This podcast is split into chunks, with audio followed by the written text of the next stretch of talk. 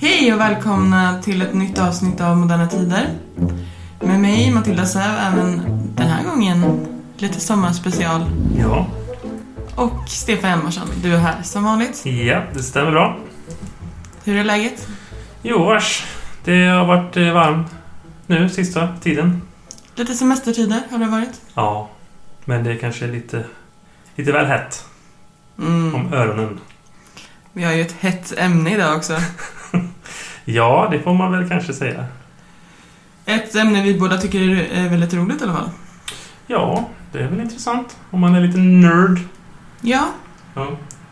vi ska prata om eh, lite eh, i enlighet med dessa tider, om eh, val i Sverige. Mm, nu är det hypermoderna tider. Igen. Ja, fast det, det här är ju något som ändå... Det spänner över en lång tid.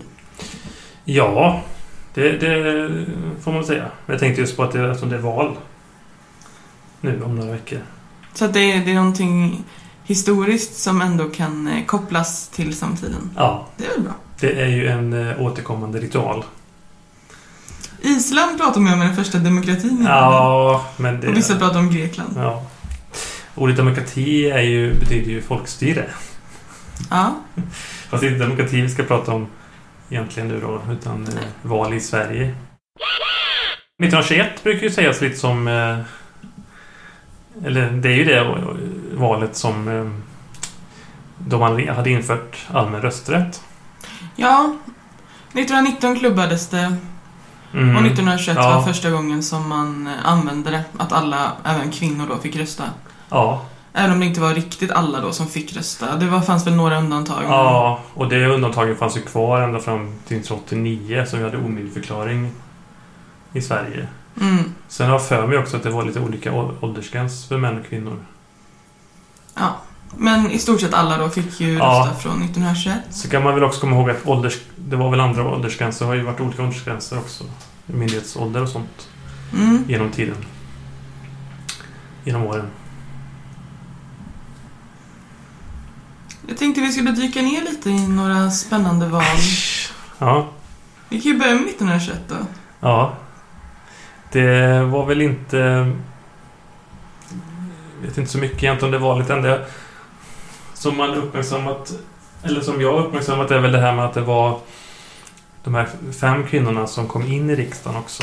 Som kvinnor också inte bara fick delta utan även för första gången kunde bli valda Just det. till riksdagen. Så det var fem stycken som kom in, har jag för mig. Det var någon dokumentär på TV om dem. Alltså nyligen, i samband med... Det har ju firats en del det här och, eh, hundraårsjubileet av demokratin, som man säger. Ja, precis. Eh, Men vi kan ju hoppa lite längre fram kanske. Sverige hade ju ett annat system. Vi hade ett tvåkammarsystem 1921. Vi har ju haft en eh, podd om eh, ja, Tvåkammarriksdagen. tvåkammarriksdagen. Som ju är lite bortglömd, eller det var ju lite poängen mellan boken de skrev. Mm. Eh, Vad lärde du dig av det? Ja, att det var lite mer komplext på den tiden. Att, eh, att första kammaren hade en annan mandatperiod än andra kammaren.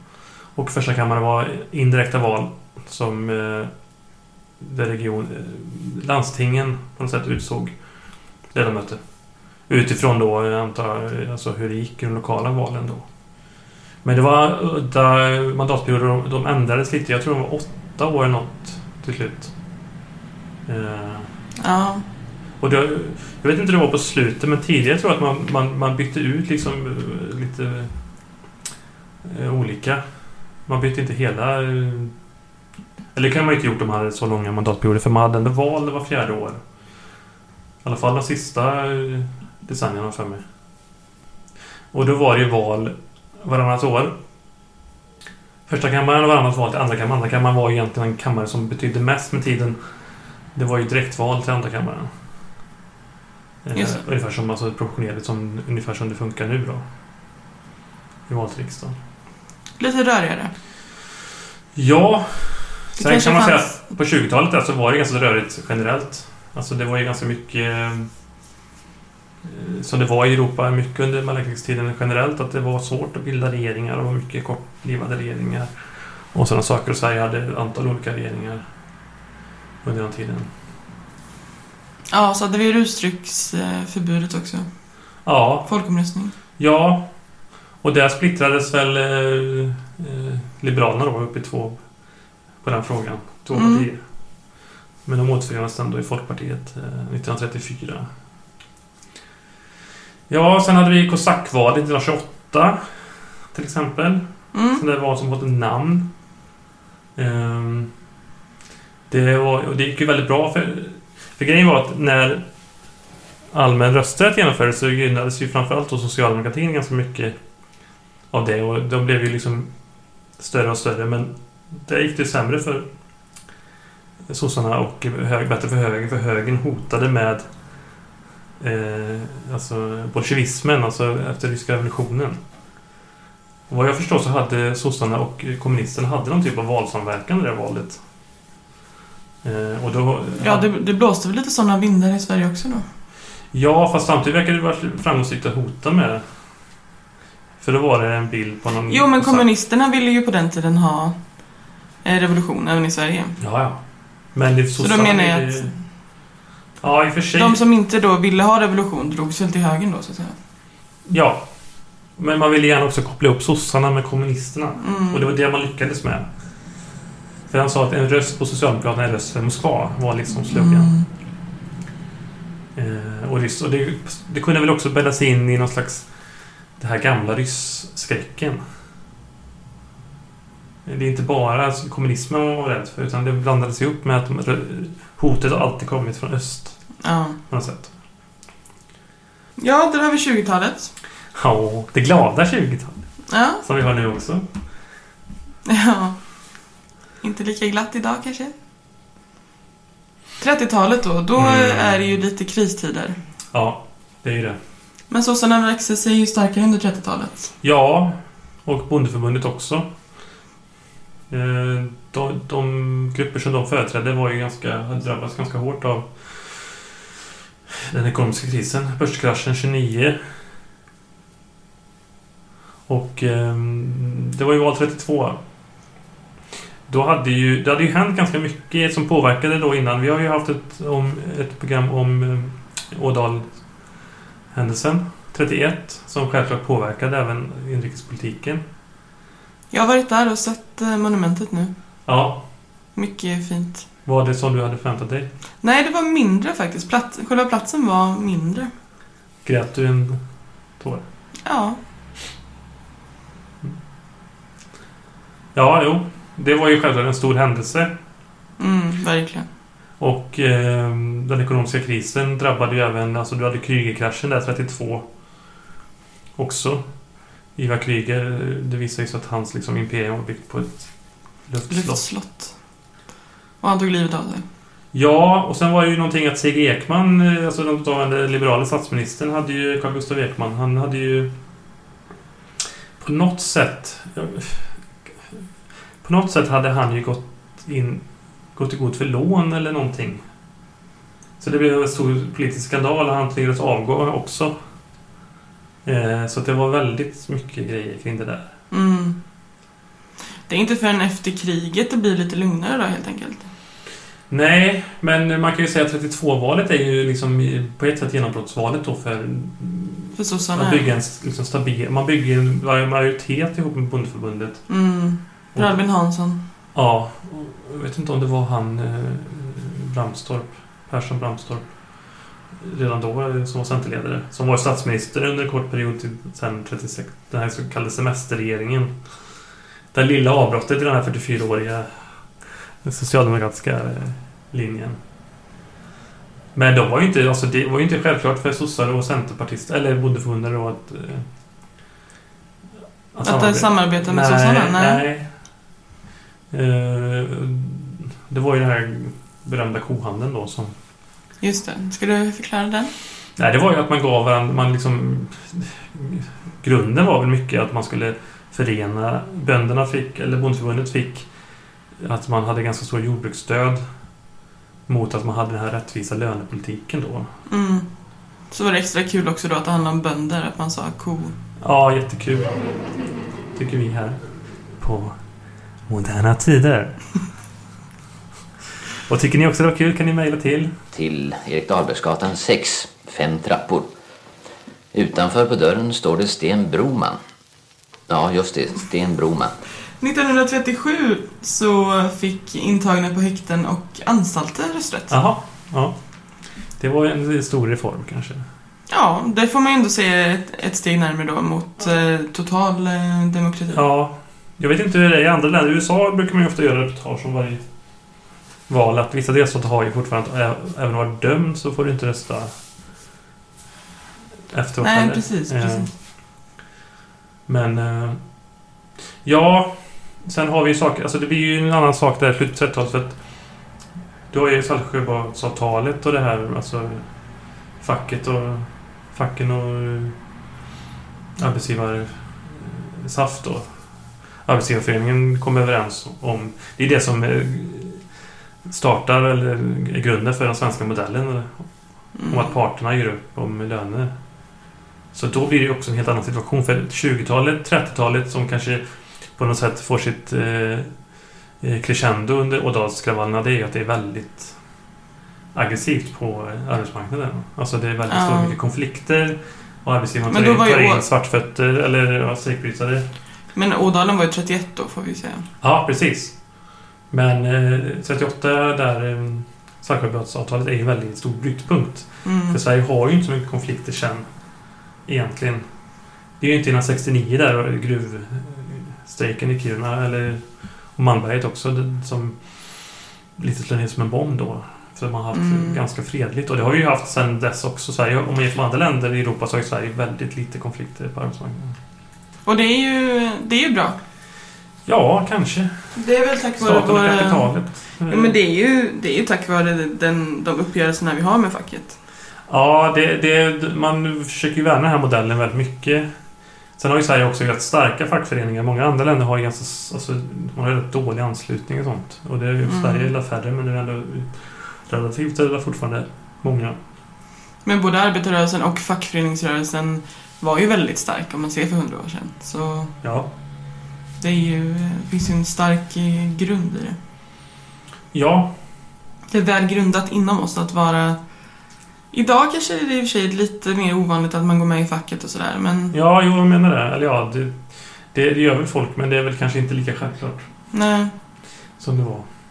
Sen är det väl att tjänstemannafacken och sånt är ju liksom betydligt starkare idag än de, så att säga. Vissa LO-fack är ju,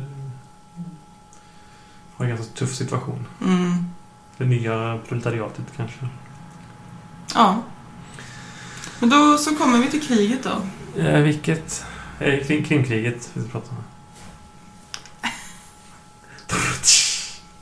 ja, det påverkar ju en del såklart. Ja. Och eh, Per Albin säger ju de här orden på Skansen.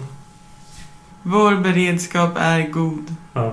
Men det var den inte. Fast det beror lite på... Det har ju liksom tolkats ganska mycket på olika sätt det här, eh, hans tal. Eller hans ord. Eh, Det behöver ju inte bara betyda rent militärt utan det kan ju Nej. vara även liksom livsmedelsmässigt eller liksom hur samhället är rustat. För det som eh, komma skall. Ja, precis. Ehm, För att ju- under första världskriget så hade man ganska dålig beredskap just när det gäller livsmedelsförsörjning och det blev potatisuppror och... Det var ju riktiga brister under första världskriget. Ja. Alltså riktiga matbrister liksom. Ja, man hade väl, jag tror man hade någon typ av ransonering senare, men det var inget som man hade liksom riktig plan för från början. Det var väl då man började odla potatis i stadsparker i Stockholm Ja. och sånt där. Men det var ju ont om potatis. Folk eh, smugg, alltså man gömde ju potatis och eh, Mm. potatiskravaller var i flera städer där folk... Det, var, det är 1917 där, det var ju hungers... Det heter ju hungersnödsval. Det var ju något val där också då. Eh, Men då fick ju inte alla, eller kvinnorna fick ju inte rösta i alla fall. Nej. Eh, Men då var det ju också väldigt liksom upprorsstämning i Sverige där. när, eh, Ja. Och kungar hade packat sina väskor och grejer. Ja, så på så sätt så var, hade vi ju bättre beredskap då eh, under andra världskriget. Eh, ja. Det så kallade civilförsvaret. ja, eh, det får man ju säga. Och även beredskapsmässigt. Vi hade ju, jag vet inte militärt, men samtidigt så hade vi ju en väldigt... Man skickade ju ut alla i princip i beredskap. Alla män i alla fall. Mm. Ehm, Nej, men sen är det ju så när finnarna... När vinterkriget kommer sen. November, december där. Mm. 1939 så bildar man ju en, eh, en samlingsregering. Och eh, Ja, jag den- tror man gör det, eller man kanske gör det tidigare. Jag kommer inte ihåg. Jag tror för mig att man gjorde det inte liksom med en gång i kriget. Nej, utan- men det är ju för att minska, hösten kon- minska konflikt då. Det är som man gör i kristider liksom. Ja. Det var ju alla riksdagens partier då. Utan eh, kommunisterna. Kommunisterna. Mm. Eh, nu kommer jag ihåg att par- det var inte så många partier i riksdagen eh, som det var nu då. Eller det är inte samma partier. Nej, Eller samma partier där som sitter- satt i regeringen, men det var ju... det var Högerpartiet, Bondeförbundet, Socialdemokraterna, eh, Folkpartiet Ja. Precis. och sen kommunisterna då som inte fick vara med. Ja, och sen fanns Det var ju väldigt länge som vi bara hade fem partier i Sverige. Ja, men jag undrar om det inte fanns till och med så att det fanns de här, det andra kommunistpartiet också fanns i Sveriges riksdag då. De, vet, det var ju massa partisplittringar och skit. Och de blev nazisterna, alltså de här eh, Nils Flyg och hans parti. Mm. Jag tror 44 något åkte de ut och sen efter det så... Mhm. Eh, ja, de upplöstes väl i princip. Okej. Men de hade nog inte... Jag är ju lite osäker på det, men jag- de hade ju inte många Mandat. platser. Nej. Nej. Och det hade väl inte alltså SKP heller Nej. eh, direkt. Men sossarna hade inte en majoritetsregering då. De satt väl fortfarande med, cent- eller med Bondeförbundet, Mm. har för mig. Sen 1940 var det ju val. Mm. Och då gick det ju väldigt bra för sossarna. Ja, det var det jag skulle komma till. Att, eh, men innan så... Ja, precis. Då eh, fick man ju egen majoritet. Ja, exakt. Eller man fick ju 53 procent. Mm. Det är det, det säkrast bästa valet för sossarna. Men det var ju valet som präglade ganska mycket. Det var ju inte så mycket... Hela tanken med samlingsregeringen var ju att det skulle inte vara... Det skulle vara borgfred va? Och det skulle ju vara... Ja. Det var ju mer någon slags nationell samling man försökte manifestera i det här valet. Jo, men då får man ju säga att det var ju skillnad mot innan. Alltså, det, var, det märktes ju verkligen eh, att det var krig, så att säga. Ja, ja. Eh, Sen kanske lite skillnad 44 då, för att då har kriget ändå har ju ändrats lite i s- struktur. Mm. Eh, Man börjar väl se att Hitler håller på att förlora lite. Ja. 44, jag tror 46 sen så gick det, det var det första kammarval då, men då gick det väldigt bra för kommunisterna. Ja, 1945 så sänktes röstre- rösträttsåldern också till 21 Ja. år. Det var den som var länge sedan, va? Till 68 eller något. Mm. Eh, Det var den myndighets, gamla myndighetsåldern. Ja, precis. För män i alla fall. Jag vet inte om det var det för kvinnor. Ingen aning. Eh, nej, jag låter det vara osagt, men ja. Ja. Och sen Kriget, alltså kriget präglar ju sossarna väldigt mycket. Det Och sen- framgång menar du? Ja, precis. Ja, jag vet inte om det var partiet som förlorade. Jag kan inte riktigt siffrorna för de andra partierna. Nej, men sen är det ju en framgångssaga för Socialdemokraterna. Ja, jo visst. Sen går det väl lite upp och ner såklart. Jo, men det finns ju Mm. inget annat land i världen som har haft ett och samma parti vid makten så länge som vi har haft sossarna. Inte demokratiskt i alla fall. kanske. Nej, nej. Nej. Nej, jag menar självklart demokratiskt. Eh, Fidel Castro satt ju ganska Det, går inte riktigt, det är inte riktigt rättvist att jämföra med en diktatur.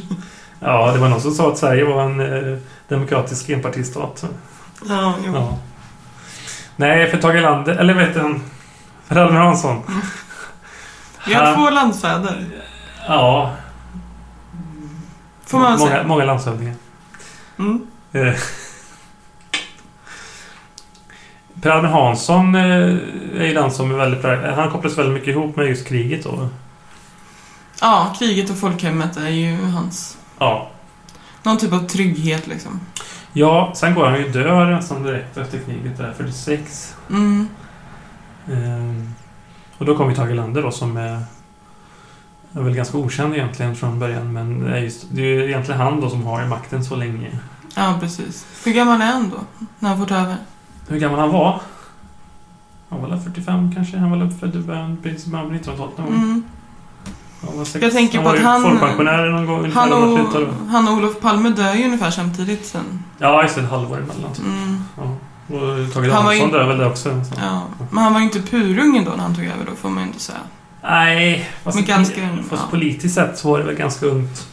Du vet, jag läste ju ett... Nu är ju många partiledare och sånt ganska unga idag, men Jag läste att Bert Lundin, han var 35 när han blev ordförande för ungdomsförbundet. Jaha. Ja, Ja. ja okej. Ja, det Per beror på hur Per man Olin ser kan man ju prata om, för han var ju lands... Folkpartiet blev ju det stora oppositionspartiet egentligen under 50 och 60-talet delvis. Olin är ju, han är ju nästan partiledare under hela samma period som det. Mm. Erlander är. Men blir ju aldrig statsminister. Hur är det med Högerpartiet då? då? Ja, det är inte bra. Nej, och, nej men eh, När kommer Gösta Bohman? Gösta Bagge heter ju han som var under kriget. Mm. Men Gösta Bohman kom ju inte förrän på 70-talet. Nej, han kommer sen. Han var ju eh, ännu äldre nästan. Nej, sen fanns ju en kille som hette Jarl Hjalmarsson. Som var under 50-talet. Och han var väl ganska populär, tror jag. Han hade fluga. Han pratade väldigt pip. Pipig röst. Mm, men det gjorde man då. Ja. Och Bertil Ohlin då. Och sen var det ju... Eh, eh, Bondeförbundet. ja, ja, Gunnar Hedlund var ju ledare för Bondeförbundet då. Ja. Och han var ju också väldigt länge. De var ju ungefär samtidigt. då, va? Han var där på 50-talet någon gång. Ja, alla satt länge. Idag känns det ju som att man... eh, Det är lättare att byta idag än vad det var då på något sätt. Ja. Det får man väl säga. Det var väl kanske... Det kanske inte var lika jobbigt Nej. på den tiden. Att vara partiledare. Jag vet inte heller om eh, man idag kanske förknippar partiet mer med en person också. Att... eh, Ja, men på så sätt att det är svårare, som du säger också, att, att vara partiledare idag. För att du blir s- alltså, som, att lite amerikaniserat på det sättet. Att du som ansikt... Du blir ansiktet för ett helt parti. Mm.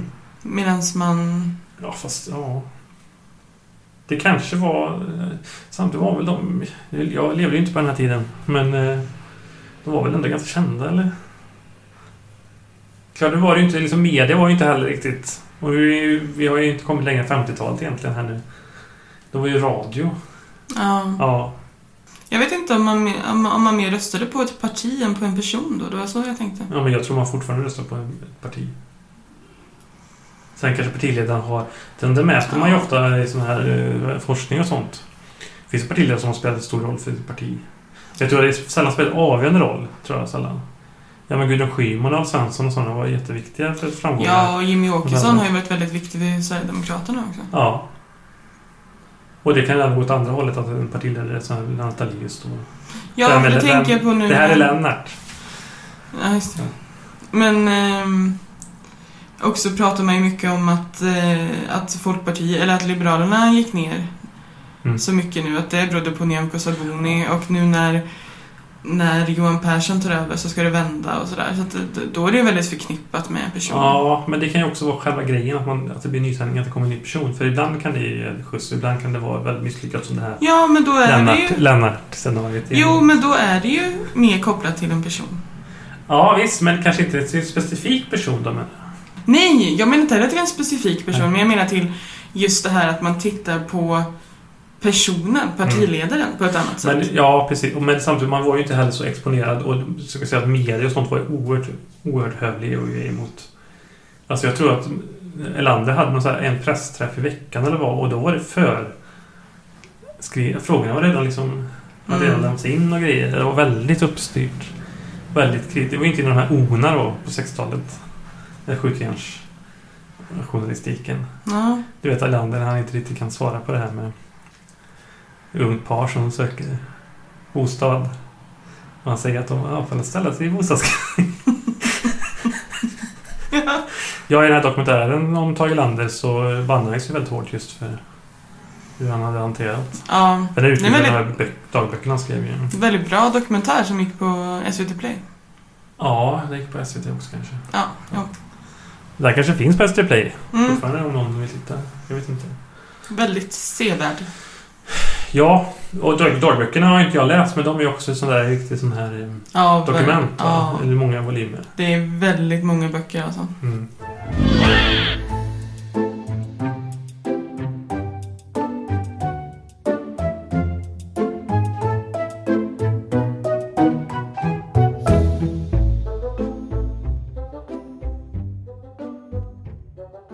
Ja, vart var vi nu då? Vi var på 50-talet. Då är det ju liksom... eh, Det går ju uppåt ekonomiskt.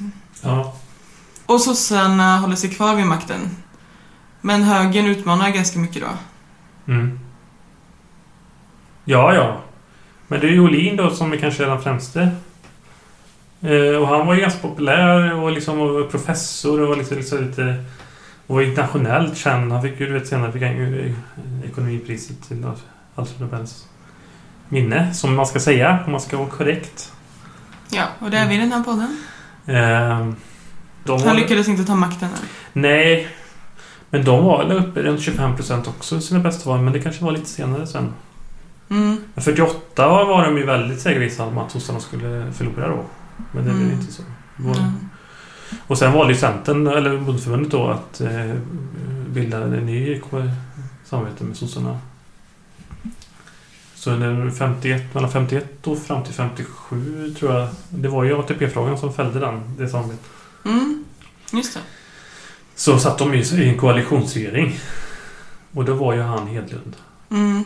Eh, Ja, vi har ju två eh, folkomröstningar där ganska tätt in på varandra också. ja. Men eh, den första behöver vi inte prata om. så mycket.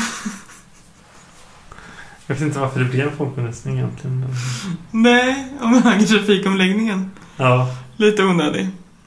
Alltså Jo. tar det 12 år till innan man genomför det. Men ja, ja det är lite, lite speciellt. ja 50-talet är väl inte... Jag vet inte så mycket. Det är ju det här med ATP då, som är en stor politisk fråga. Och eh, 57 så bytte ju eh, bondeförbundet namn till Centerpartiet. Mm. Det var en stor politisk kamp. Ja. Men det kunde ju säkert gynna dem eftersom att eh, det var ju väldigt förknippat med just bönder innan. Ja. Det var det väl kanske senare också, men Ja, jo. det var väl ändå ganska mycket jordbruk kvar i typ slutet på 50-talet. Mm.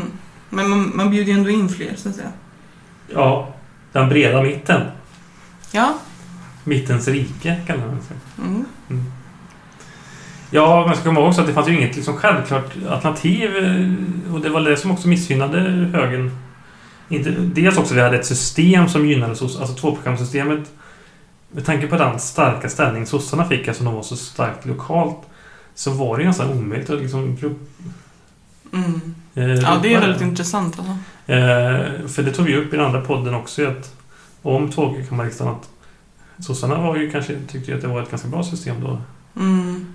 Även om man var, från början var ganska kritiska då. När det, eh, det var ju helt olika världar från 1860-talet fram till 1960-talet. Ja, visst. Eh, Ja, för det var ju, alltså, innan så hade vi ju ståndsriksdagen Mm. så att säga, som man ändrade då på 1860-talet. Så att eh, det är klart, det har hänt mycket på 100 år där. mm. Vi kanske ska hoppa över till 60-talet. Ja, Härliga, spännande tider. Studentuppror. Ja, jo, det är ju lite liksom, eh, upprorstider. Och det är väl... ehm, Under 60-talet så sänks, röts, så sänks eh, rösträttsåldern också, igen. Först till 20 år och sen till 19 år, 1969. 19 år? Ja, Jaha. Men det måste ha varit en kort eh, tid. 1975 så blir det 18 år. Ja, 60-talet, jag vet inte politiskt sett. Man kopplar ju ofta till att det är väldigt mycket... Alltså det är ju radikalt. Inte bara politiskt utan även kulturellt. Med liksom Mm. popmusik och Kulturvänstern. ungdoms... eh, 40-talisterna blir vuxna. Ungdomskulturen hade väl i och för sig bildats redan bland andra halvan av 50-talet. Mm. Egentligen med rock'n'roll-musik och... Det här begreppet tonåring hade ju inte funnits Nej. tidigare.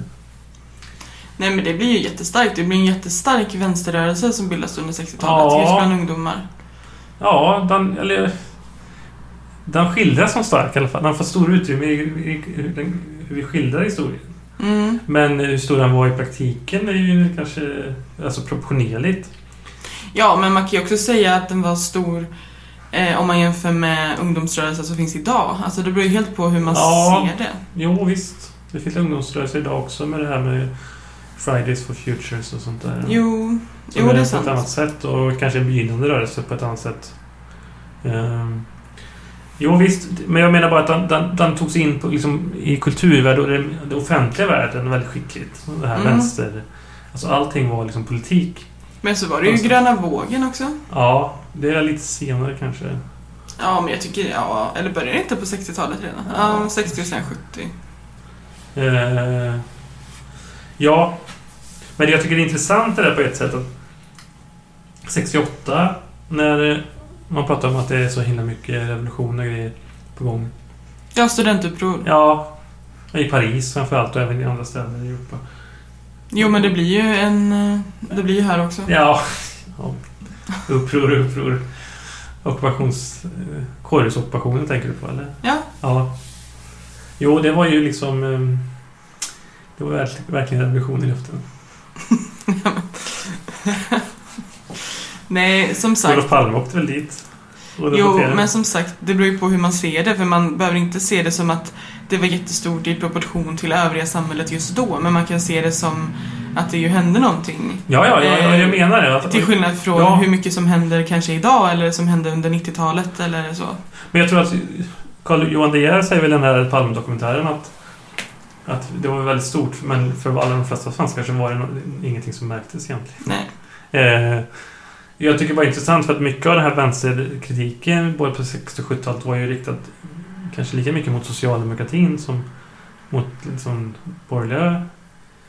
Eller man är väl på socialdemokratin hade blivit borgerlig och maktfullkomlig och det här med liksom IB och som Kjell kommer senare om. Och sånt, alltså, man hade ju en hetsjakt på framförallt eh, kommunister och sånt. Eh, ändå fick ju sossarna egen majoritet 68. Mm. Och SKP, eller VPK heter det ju då. De fick 3,6 procent. Men då fanns ju ingen spärr i det här gamla tvåkammarsystemet så man fick en... Man fick Kom vara in. med ändå. Ja. Mm. Så att jag menar bara... Och sen 70-talet pratar man ju om så radikalt. Men det på 70-talet Sverige får en borgerlig regering. I två val i rad till och med. Så det är lite paradox... Liksom, Jo, men det det, är kanske... intressant det där, liksom Jo. kontrasterna där. Jo men det är ju en tacksam tid kanske att eh, liksom göra eh, film och serier och, och skriva böcker och så om för att eh, det är lite spektakulärt ändå. Ja, ja, absolut. Och sen finns det ju andra influenser också. Det är liksom Woodstockfestivalen och Ja. det är ju andra influenser. Hippierörelsen. Ja precis, utifrån också. Ja, ja, absolut. Och, det, men, och många tycker det är en spännande period eh, på det sättet. Och det har ju, hela grunden är väl, eh, och mycket handlar ju om Vietnamkriget och eh, alltså, framförallt Mm. liksom ett USA-kritik som kanske inte hade funnits riktigt på samma sätt. Eh, För att USA blev ju väldigt populärt i samband med andra världskriget och sen 50-talet Ja. var ju väldigt Sverige framförallt Elvis. väldigt präglat av Mm. USA. Och det blev ju som en ändring där i kul- hur våra kulturella influ- influenser kom ifrån. Tidigare var det kanske Tysk, Tyskland som var en Mm. influens. Men- Ja det var det ju, absolut. eh, det var lite svårare efter 45 av naturliga skäl. Mm. Eh, Och Frankrike var inte så hett som det hade varit under till Nej. exempel 1700-talet. Nej, Nederländerna hade se- var 600. Ja. Nej. Nej, men jag tycker bara det är intressant det där att man, trodde, man, man beskriver att samhället var så himla vänster. Jag tror inte att det var på det riktigt på det sättet. Nej, precis. Men det, nej, jag förstår precis vad du menar. Men å andra sidan så fanns det någon typ av rörelse då som inte riktigt har funnits i andra tider. Alltså en ungdomsrörelse Ja, på ja, det här ja. sättet. Har inte funnits Nej. eh, tidigare och har inte funnits nu senare heller riktigt. Nej, men det är ju 40-talisterna då. Som Ja. hade haft det så jäkla bra vad de har fått. Och de kom in på... De, då kunde liksom alla fick komma in på universiteten och grejer. Och de utnyttjade ju det kan man säga. Ja, verkligen. Det var Det får lätt jag. att få jobb och det gick ju bra för Sverige. Alltså det gick ju bara uppåt, uppåt, uppåt i, i ekonomin. Ja, men ändå var de ju missnöjda. Ja. Det var, Eller, jag, jag tror det de föddes en bara- sån de- bild av att ja, men de- 40-talisterna liksom är en väldigt otacksam generation också. Att de har liksom Jo. fått allting. Men de Ändå tog har sig de varit de frihet. uppkäftigast. Jo men de hade ju Jag vet- jag kanske menar det fri, frihet att eh, utnyttja det precis. Det var eh, väldigt eh, bra. Och de är fortfarande liksom... Eh, de som sitter på de eh, viktiga positionerna. Mycket. Ja, de eh, har ju gått i pension nu, eller vad menar du med positioner?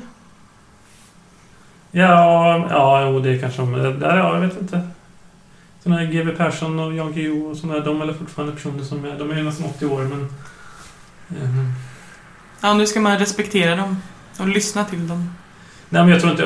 eh, Hon, eh, Amelia och Adama och såna där. Alltså, de- de är inte människor som slutar. De är inte... Nej, Hon har ju pratat mycket om att vi inte liksom det här med att vi är... ja just det, gammal, Vi, är gammal. inte, vi går inte in och är farmor och mormor på heltid liksom. Utan Nej. vi har ett annat... Vi har ett liv. fortfarande ett annat liv också. Jo, men du sa positioner, det var det jag tänkte på. Ja, jag skulle nog säga att GW Persson har en stark position. Han meddelat om också i kultur som en opinionsbildare eller... eh, eller Jo, debattör men eller Kanske kunnig. inte eh, vanliga Svensson. Nej, nej. De är ju glada Men samtidigt kan han väl pensionärer. ha, kanske, de har väl kanske utsatt honom mer de flesta. Men jag menar inte all, generellt. det gäller väl Nej, ingen men de generation. kunde ju de kunde ju verkligen göra sina röster hörda. Det har, det har du ju rätt i. Att Ah. de, det har de ju fortsatt med, verkligen. Det tänker jag också på ett annat avsnitt. Mhm. Åh, oh, tjej. Åh, oh, tjej. Mm. Jag klipper. Ja. Ja, men... eh, Det kommer ju Linus ha kvar. Ja, då får han spark. Har varit, nu är vi alltså framme på 68 pratar vi om sossarna för egen majoritet. Mm. Det är ju Tage Landers eh, avskedsval också. Ja. Ja. Hans Gunstling är där. Gunnar Sträng. Nej, jag menar Palme. Ja. det var, Gunnar är är hans älskling. ja, okej. Men Gunnar Nej. Sträng blev väl kvar i och för sig. Gunnar Sträng var en eh, stark och eh, ordentlig finansminister. Vi hade i många år. Ja. Men och han var kvar även senare då. Under Palme. Mm. Men eh, ja, just det, här, för 69 avgår Erlander då. Mm. som partiledare och statsminister efter 23 år. Och det är ju som sagt, det gick väldigt bra. Det går väldigt dåligt för högern där 68. Yngve Holmberg, den här legendariske partiledare, försökte ju lansera som Sveriges John F Kennedy. Mm. Det funkar inte alls. Nej. Han var ju liberal. Jo, men det var ju mer det liksom att han hade sex appeal. Va? Det var Jaha. det man... Att liksom, vem var, Mm. var världens sexigaste Mm. politiker liksom? Mm. Det försökte man göra honom till. Jag förstår. Och sån här frisyr. Mhm. Mm. Vattenkammat. Ja, lite så här fluff. Jag Mm. tycker inte John F Kennedy, han är inte så snygg egentligen. Men Ja, eh, han var hade ju väl lite... Lite charmig. ja. Men det funkar ju inte. Nej, men så kommer vi in på 70-talet då. Mm. Och nu kommer ju din gunsling, älskling. Gösta Bohman. Jag tycker han... eh, Han Men hade jag tror bra att det var lite eh, hans karisma. fram, framgång också var att han var... Även om han var en eh, råbarkad högerman så var han lite... Fanns något folkligt över... Mm. För han hade ju något... Det var ju inte Stockholms skärgård någonstans. hade han ju någon stuga. Han var satt där och t- täljde och åkte Ja. båt. Och sen var ju en ung Carl Bildt där ofta också. För att han, det var ju hans eh, svärson. Mm. tidigare. Och där har vi den här förändringen då att vi inför den här enkammarriksdagen i Sverige. Ja, 1971 då, precis. och då har man val med 70 då först. Och då går det sossarna tillbaka. Ja, det är inget val som har satt sig jättedjupa spår 70. Det är ju Palmes första val. Mm. Så de går väl- de går väl tillbaka lite. De får ju inte egen majoritet i alla fall. Och de har Nej. ju aldrig fått egen majoritet i enkammarsystemet. Nej, 68 var sista gången då, ja. Ja, ex- ja, egentligen har de bara fått det två gånger. Ja, Alltså, mm. Men de låg ju väldigt stabilt kring 45 sådär oftast. Mm. Och det är ju rätt högt om man jämför med idag då. ja visst, verkligen. Och då hade de ju ofta majoritet ihop med VPK eller kommunisterna. Mm.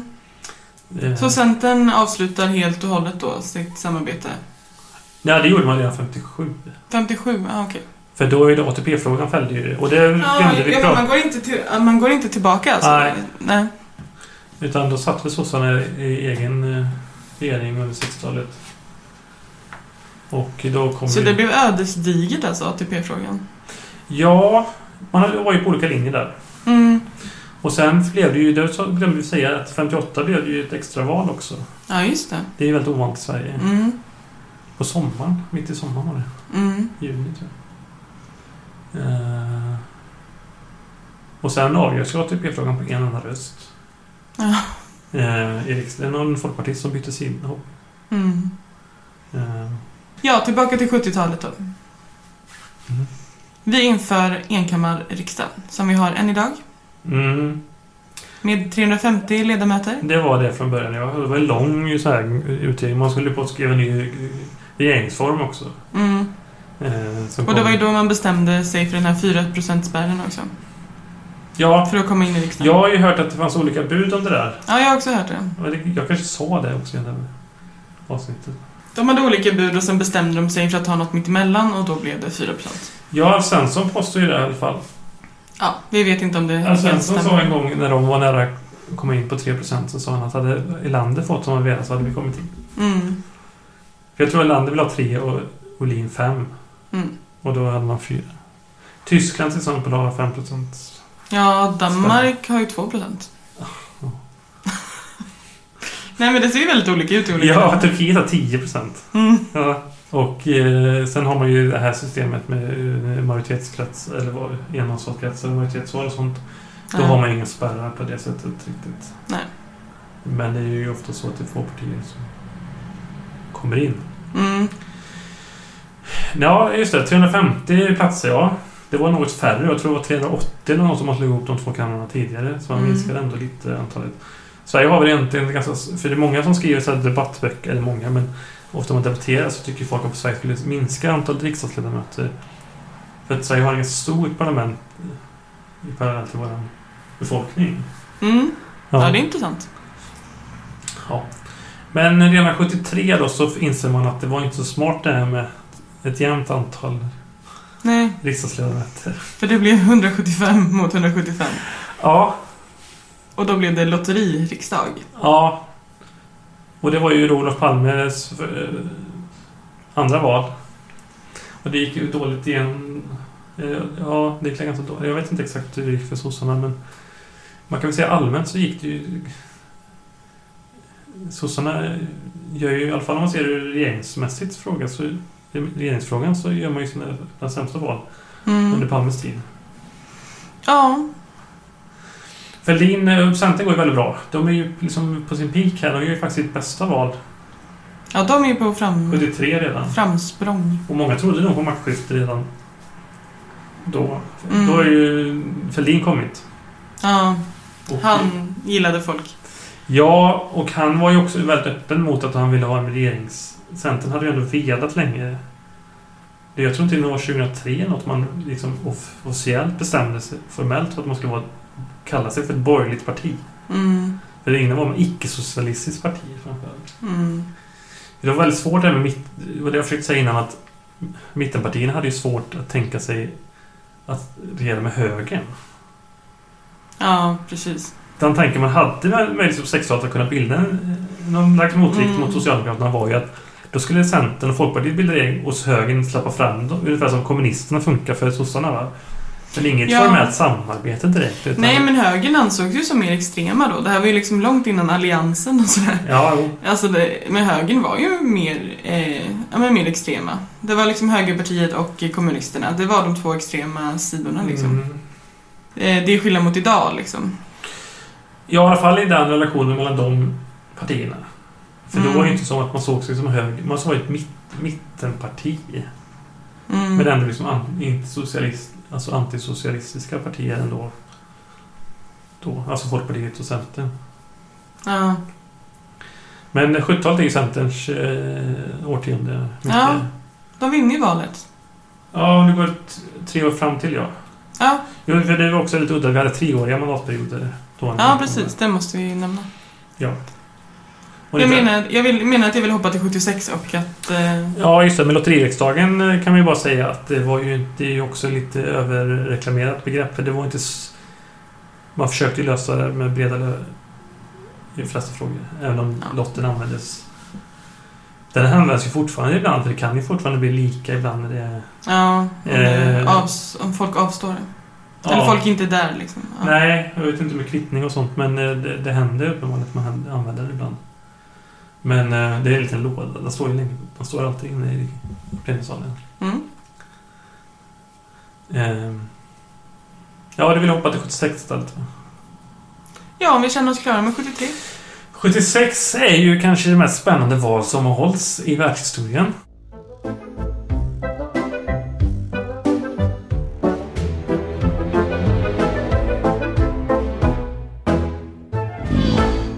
Det är så mycket grejer som händer innan också, tänker jag. Det är mycket skandaler. Det är så mycket som bygger upp det här, som, som liksom visar på sossarnas makt. Alltså att man har tappat kontroll Ja. Eh, Delvis va? Ja, Dels har du det här med Ingmar Bergman och Astrid Lindgren. Mm. Eh, Skatterna. ja. Och sen har du ju en massa skandaler, eller massa skandaler, men du har ju det här med han, den där, vad heter han som var i Transportarbetarförbundet? Han som åkte till... eh, Alltså LO hade ju framförallt efter 70... Det var någon där kring... eh, Franco dog 75. Ja. Och då... Åren innan det hade de ju avrättat eh, personer som hade... De hade bomb, det var ju någon minister någon som dog i något attentat i Spanien. Och där hade de döds döden. Det var en gravid kvinna. Jag tror i och för sig hon blev benådad. Men det var ju då Palme... Det är lite miss... Ibland tror man att det här med Satans mördare handlar om USA och Vietnamkriget. Men det handlar om eh, Franco-regimen. Palmes, det här Satans mördare. Och då hade LO en bojkott på 70-talet. För du vet, charterresor hade ju börjat Mm. ganska mycket redan på 50-talet. Och eh, Spanien var ju... Men även, det är om- ju- det även om är- det var en ganska hård diktatur så var det ju ett populärt resmål. Ja, men det är det Lena Nyman går och, och frågar folk. Varför reser du till Mallorca? Är det nyfiken eh, gul eller? Ja, Ja. det fanns ju en sån debatt att man inte skulle resa Ja, ja, till ja, Spanien. ja, men L- LO hade, en upp, hade då, efter, framförallt efter den här, och det var ju så här garantering av att de fortfarande folk på 70 liksom. Då hade LO en bojkott, men då åkte han och firade nyår eller jul eller vad det var. Och hade grisfest. På Mallorca eller Kanarieöarna. Mm. Och det finns en bild när han sitter liksom där med liksom, som den här liksom, eh, fackpampen och så sitter och röker vid poolen där. Så han Mm. röker sen. Ja, det är en av grejerna då. Mm. Och sen, eh, men det kanske inte alls... Det här med Pomperipossa och sånt hade säkert större eh, påverkan. Ja, det tror jag verkligen. Men du kan väl förklara lite vad, vad det var?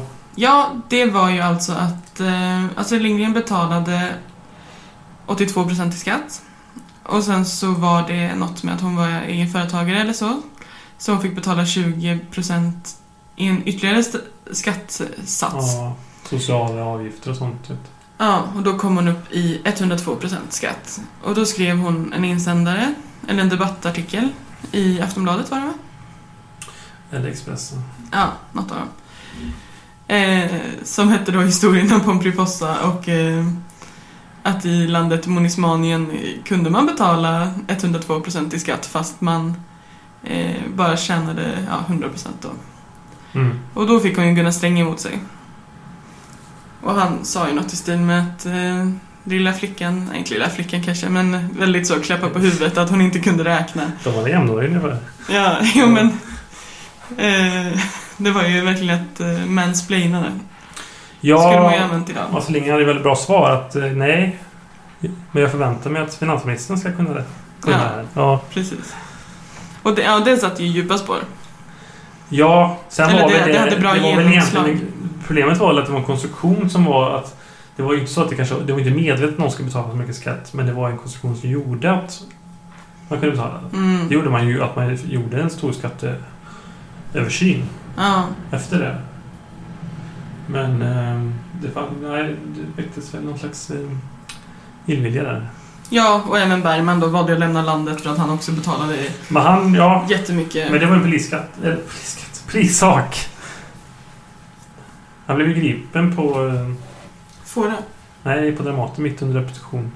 Va? Och dödsdansen har jag hört. att- Polissak? Ja, ja, polisen. men Han var ju anklagad för skattebrott. Att han hade betalat Aha. alltså, för lite skatt. Men därför han stack. men Då stack han till USA. Till Hollywood. Ehm, och då höll presskonferens eh, för de stora amerikanska tv-bolagen. Och han pratade om att, eh, att han blev deprimerad. Han blev deprimerad och så. Ehm, sen har han sagt själv i en intervju att för han visste inte riktigt vad han skulle göra då. För att han, han skrev en artikel. Han skrev också under Expressen.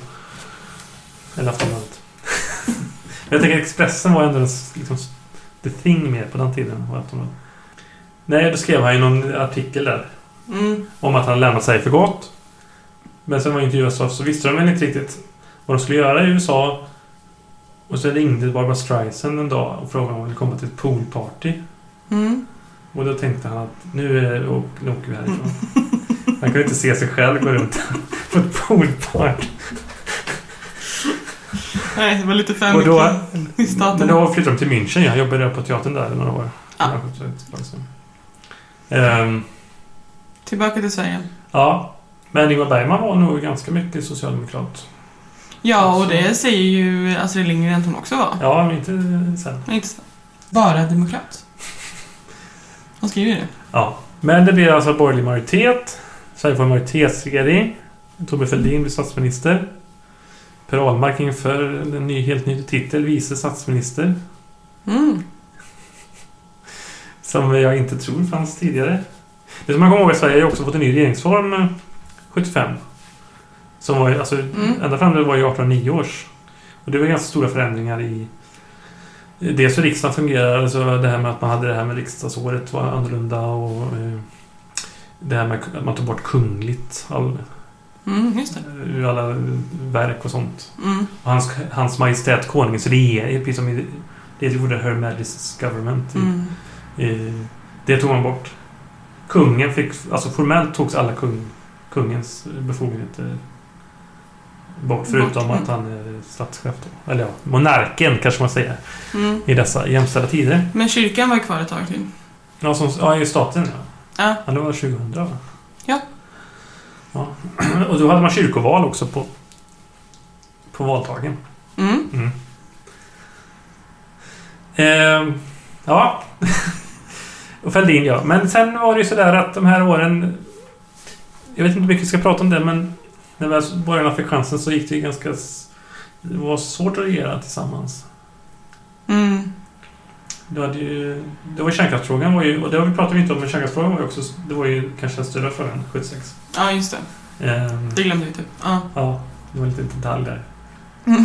Jag glömde. Jag fastnade i Måns Mån. Det var ju folkomröstning också. Ja. Eh, Ja, fast det var ju senare då. 76 var man ju inte överens. Det var ju det som fällde den. 78 så följer den första borgerliga regeringen. Ja, precis. Men sen så blev det Mm. ju också en folkomröstning om det. Det var bara det jag ville nämna. Ja, men... Ja, precis. För sen 79, då blev ju Ola Ullsten statsminister för en liten folkparti... Eller, eller regeringen var ju lika stor som vanligt, men... eh, Det var ju kanske den svagaste regering Sverige haft. Ja.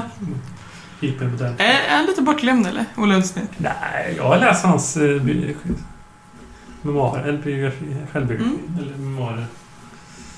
Han är kanske lite bortglömd, men eh, det var ju väldigt kort. Jag tror, jag, jag vet, han kan ju inte varit helt okänd för de människorna som Nej. levde då. Eller de som var eh, hyfsat Nej, intresserade. Men nu går vi in i 80-talet då.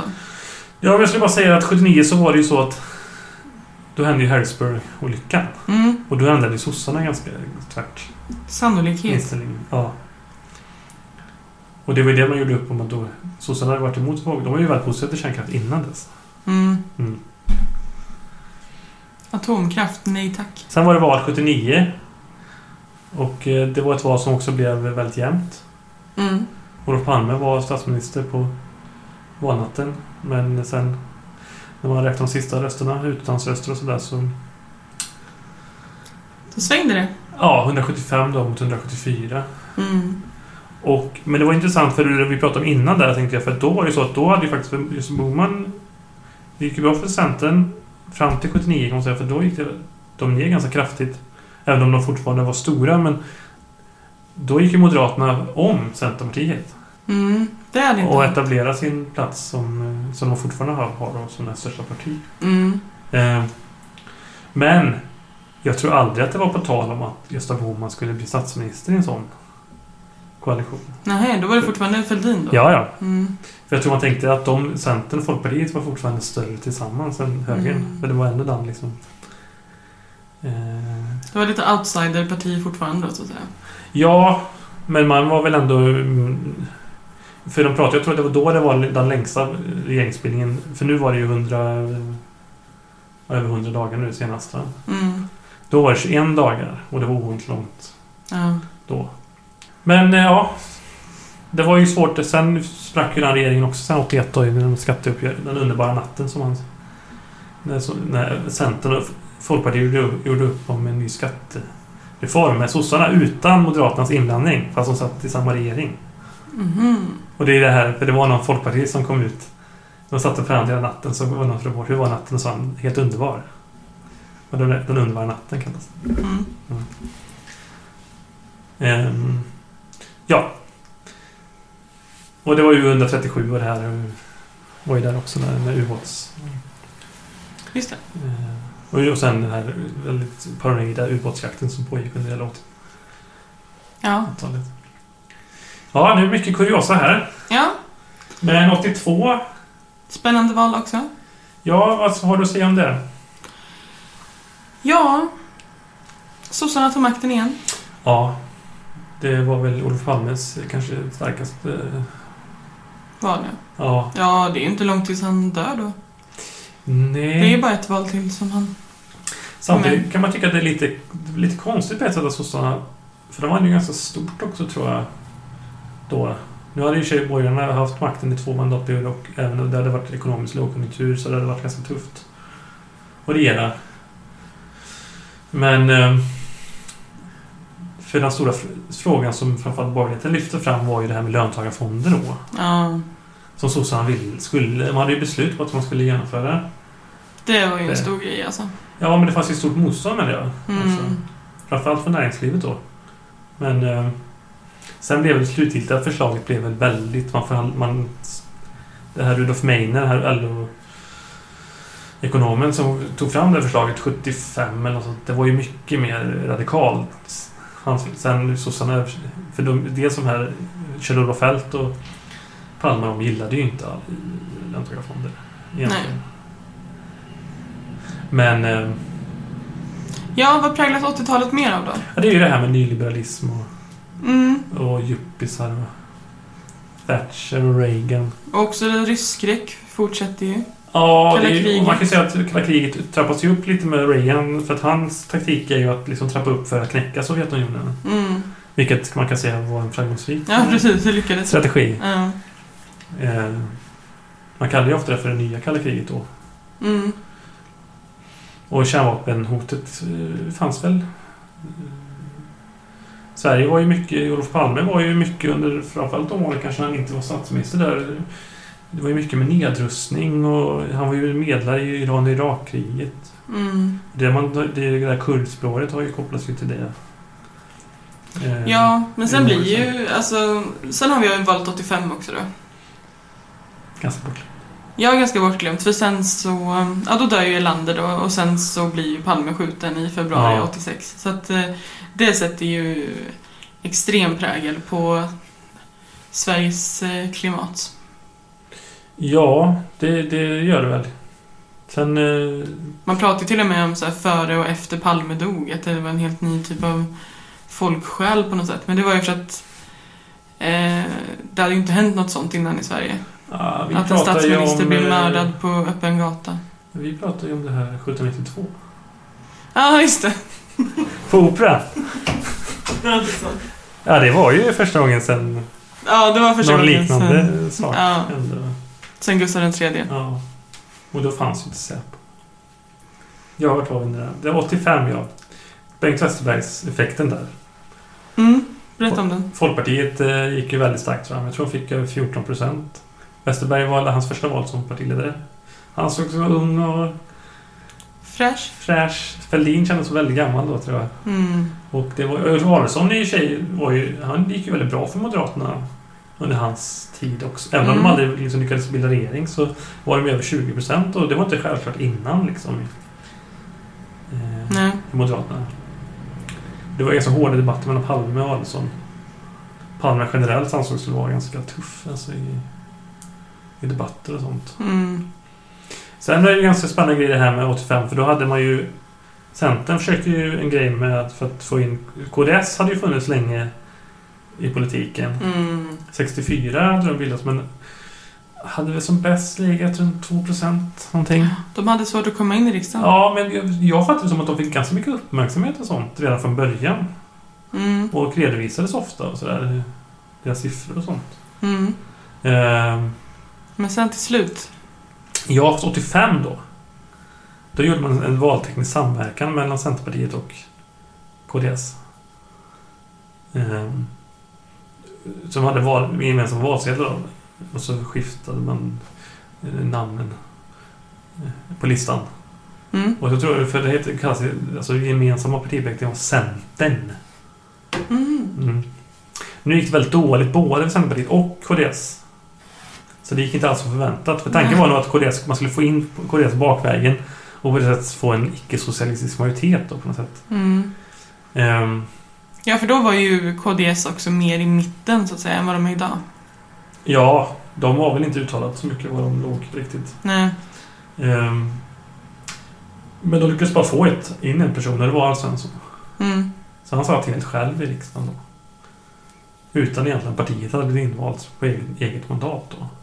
Ja, just det. Han blev kryssad in bara. Ja, han blev, kom in via den här samverkan då. Mm. Ja, han blev väl på valbar plats såklart men eh, de hade nog hoppats på fler eh, Ja. mandat. Och Centern gick också väldigt dåligt. Och sen avgick ju Fälldin efter... Han blev ju egentligen Mm. utkickad då. Eller han blev väl som... Man föreslog ju inte honom som ny. Valberedningen föreslog ju inte honom. Nej. Åter honom. Det är lätt att vara partiordförande i medvind. Ja. Sen 88 så kom ju Miljöpartiet in. Mm. De hade ju inte funnits så länge. 81 va? Efter kärnkrafts... Och hur gick det för KDS då i 88? Nej, de kom ju inte in. Så sen så fick vi åka hem till Gränna igen. Ja, för det här när Alf Svensson kom in, det var ju valet 85 menar Ja. du? Ja, precis. Mm. Jag bara Jag tänker så tror hur att de alla... gjorde ett, något ganska bra Alla val, men de är kom inte in. Och det var mycket snack om att de kanske skulle få 12 procent och sådär i, i Just Enköping då. det. Ja, just det. För Miljöpartiet kom in före KDS, ja. Ja. Mm. Så 88 kom eh, Miljöpartiet in. Ja, och då var det första gången på 70 år något som ett nytt parti togs in i Sveriges riksdag. Ja. Det är helt otroligt alltså. Ja. Och de dansade samba Mm. när de gick in i riksdagen. och det finns någon sån här klipp med han eh, i... Men det tänker jag, det är väl också en del med, alltså kärnkraften, det var ju säldöden och det här också Ja. som gjorde att liksom folk fick upp ett intresse Men, eh, för eh, miljö. Ja, men jag hörde ju, det var ju det här reportaget om sommaren före valet som gått på radio nu. De pratar ju som säldöden 88 då. Men det tror man inte hade så jättestor betydelse för just Miljöpartiet. Dels så tror man ju inte att... Dels visar det sig att det var ett virus det här säldöden. Som visserligen kan Mm. ha orsakats av miljöförstöring. Men, Jo, men det blir också vad som går hem hos folk. ja, Alltså, men grejen var att siffrorna gick inte upp. Utan för må- grejen var att många andra partier såg nog hotet liksom, Miljöpartiet som alla skulle bli Miljöpartier helt plötsligt. mm. 88. Och då var det där med Karlsson-affären tog de upp också. Den här utfrågningarna var ju på sommaren där. Men, eh, som också var Just det. en stor grej. Mm. För det var ju också ett val det gick extremt dåligt. För bor- även om borgerligheten hade en ganska bra utgångsläge då med sos- mycket skandaler kring sossarna igen då, så gick det det är ett av de val som har gått sämst för borgerligheten. Mm. Eh, Men vad menar de i den dokumentären då, att det berodde på det om det inte var säldöden? nej, jag vet inte. Jag kommer inte ihåg. Ja! Nej, men man lyfte väl generellt eh, kanske sådana frågor såklart, som du sa. Och eh, man hade väl medvind. Jag vet inte vad man fick, fem- fem och en halv procent eller något. Mm. Eh, Men sen 91 då, så kommer ju KDS in också. ja, men det kanske är med ett annat parti som är mer uppmärksamhet kring. Eh, som hade drag under galoscherna. Ny demokrati. Ja, det är spännande tider då alltså. Det var ju... Det är lite såhär TV3-eran eh, liksom. Ja, kan man säga. T- TV3 startade ju där 89. Och det Ja, blev liksom- T4 och... alltså ja, men det är var- väl 91 va? Kommersiellt kom? blev det 90 tror jag. 90. Ja, okej. Sen 92 blev det Marxen. Men eh, det var ju... Ja, de hade ju inte funnits. De hade ju bildats samma år. ja. Partiet. Så det var ju en fläkt. En eh, väldigt märklig grej i Sverige som har ju kanske en av världens mest ändå konformistiska liksom, politiska system. Där det liksom, som du sa, det här med fem partier väldigt länge i riksdagen. och Mm. Det är ganska svårt att ta sig in i riksdagen och det är ännu mer sällan att partier åker ur riksdagen. Eh, ja, det Och hände sen kommer något. dyker det upp ett litet populistparti, vilket är ganska vanligt i andra partier. Och vi pratar om Danmark till exempel, där man har mycket mer en kultur också. av Att det, bild, att det är ganska lätt, inte lätt, men det det är lite ovanligt att det bildas nya partier ofta och, det- och de tar sig kanske också in i parlamentet. Det är ganska ovanligt. Så Det bildas ju partier i Sverige också som får en viss uppmärksamhet, men det är inte- det är ju väldigt svårt att ta sig in i riksdagen Mm. uppenbarligen. Ja, verkligen. Men det gjorde ju de. Mm. Sen blev det ju lite kaosartat när de väl satt i riksdagen. Ja. Och som du sa, KDS kom in också och KDS gick ju faktiskt från, direkt in i en regering också. Som helt ja. nytt. Just det. Eh, För då blir det maktskifte igen. Ja, men det blir ju också ett svårt, det blir ett svårt parlamentariskt läge för att inget... Borgerligheten var större då, men de var- hade ju ingen majoritet. Nej. Eh, Så då blev ju ändå de, de blev ju tunga på vågen eh, Ny Demokrati. Mm. Och även- ändå, fast om man, det var ju lite som med SD och sådär, så det var ju mycket, många som hade svårt med Ny Demokrati. Bengt Westerberg där när han reser sig och går och, Mm. på valvakan. Och, Just det. ändå sen satt de ändå i den regeringen sen. Men det var ju också väldigt speciella tider. Sverige gick ju, var ju på väg in i en väldigt svår ekonomisk eh, Kris. kris. Mm. Vi hade ju räntor på... Det är den största sedan 30-talet. Ja, räntan var ju upp 500 procent. Det Mm. är en klassiker. Man gjorde ju upp något stort paket med S, fick ju gå in och eh, samarbeta. Ja. Och så var det Lasermannen och sådär. Det var liksom ganska oroliga tider. ja, det var det ju. Naziströrelsen Ja. som, som var på framfart. Mm.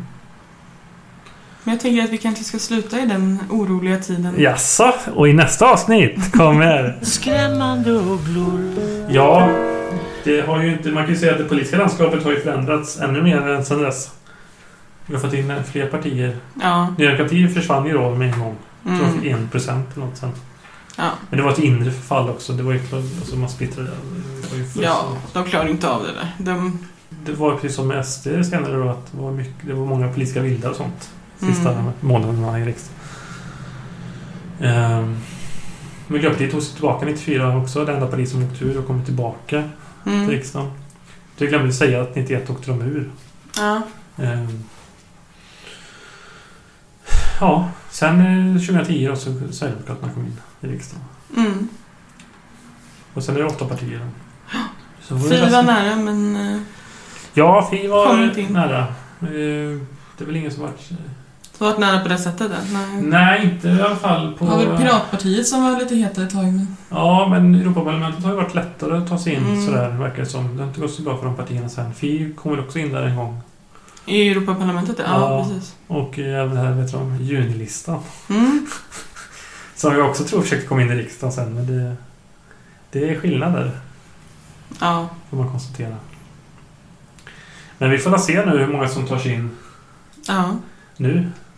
Och hur valet... Hur utgången på valet blir. Ja, det har ju liksom blivit svårare det här med rent... De två senaste mandatperioderna i alla fall har ju, gjort, har ju varit väldigt komplicerade parlamentariska Mm. lägen som också tänker att Sverige har ju ändå landskapet förändrats väldigt fort Ja, väldigt. ändå. Eh, och det är klart att SD och det här att ett parti så fort blir så också väldigt s- stort. Även om de har funnits länge, men när de väl kom in i finrummet så redan andra valet så var de ju tredje största parti. Ja, de ökade väldigt snabbt. Ja. Det är ju en väldigt speciell omvandling då. Mm. Ett politiskt landskap som varit... eh, Och sossarna då, som har legat på 45 lägger ju... Ja, nu kanske de... Nu verkar det ändå som det kanske går bra då. Ja, men runt Men det- 30 procent ligger de Ja, på. det ska de ju vara glada Mm. om det är så. Ja. Ja, Ja, tack så mycket tack! för detta avsnitt. Jag Ja. hoppas att eh, alla lyssnare tyckte det var intressant. Ja, det blev kanske lite långrandigt, men Det är valtider. vi återkommer eh, med ordinarie avsnitt nästa gång. Ja. tack så mycket. Tack! Hej Hej då! då. This is um, edited by a company called uh, Radio Mal.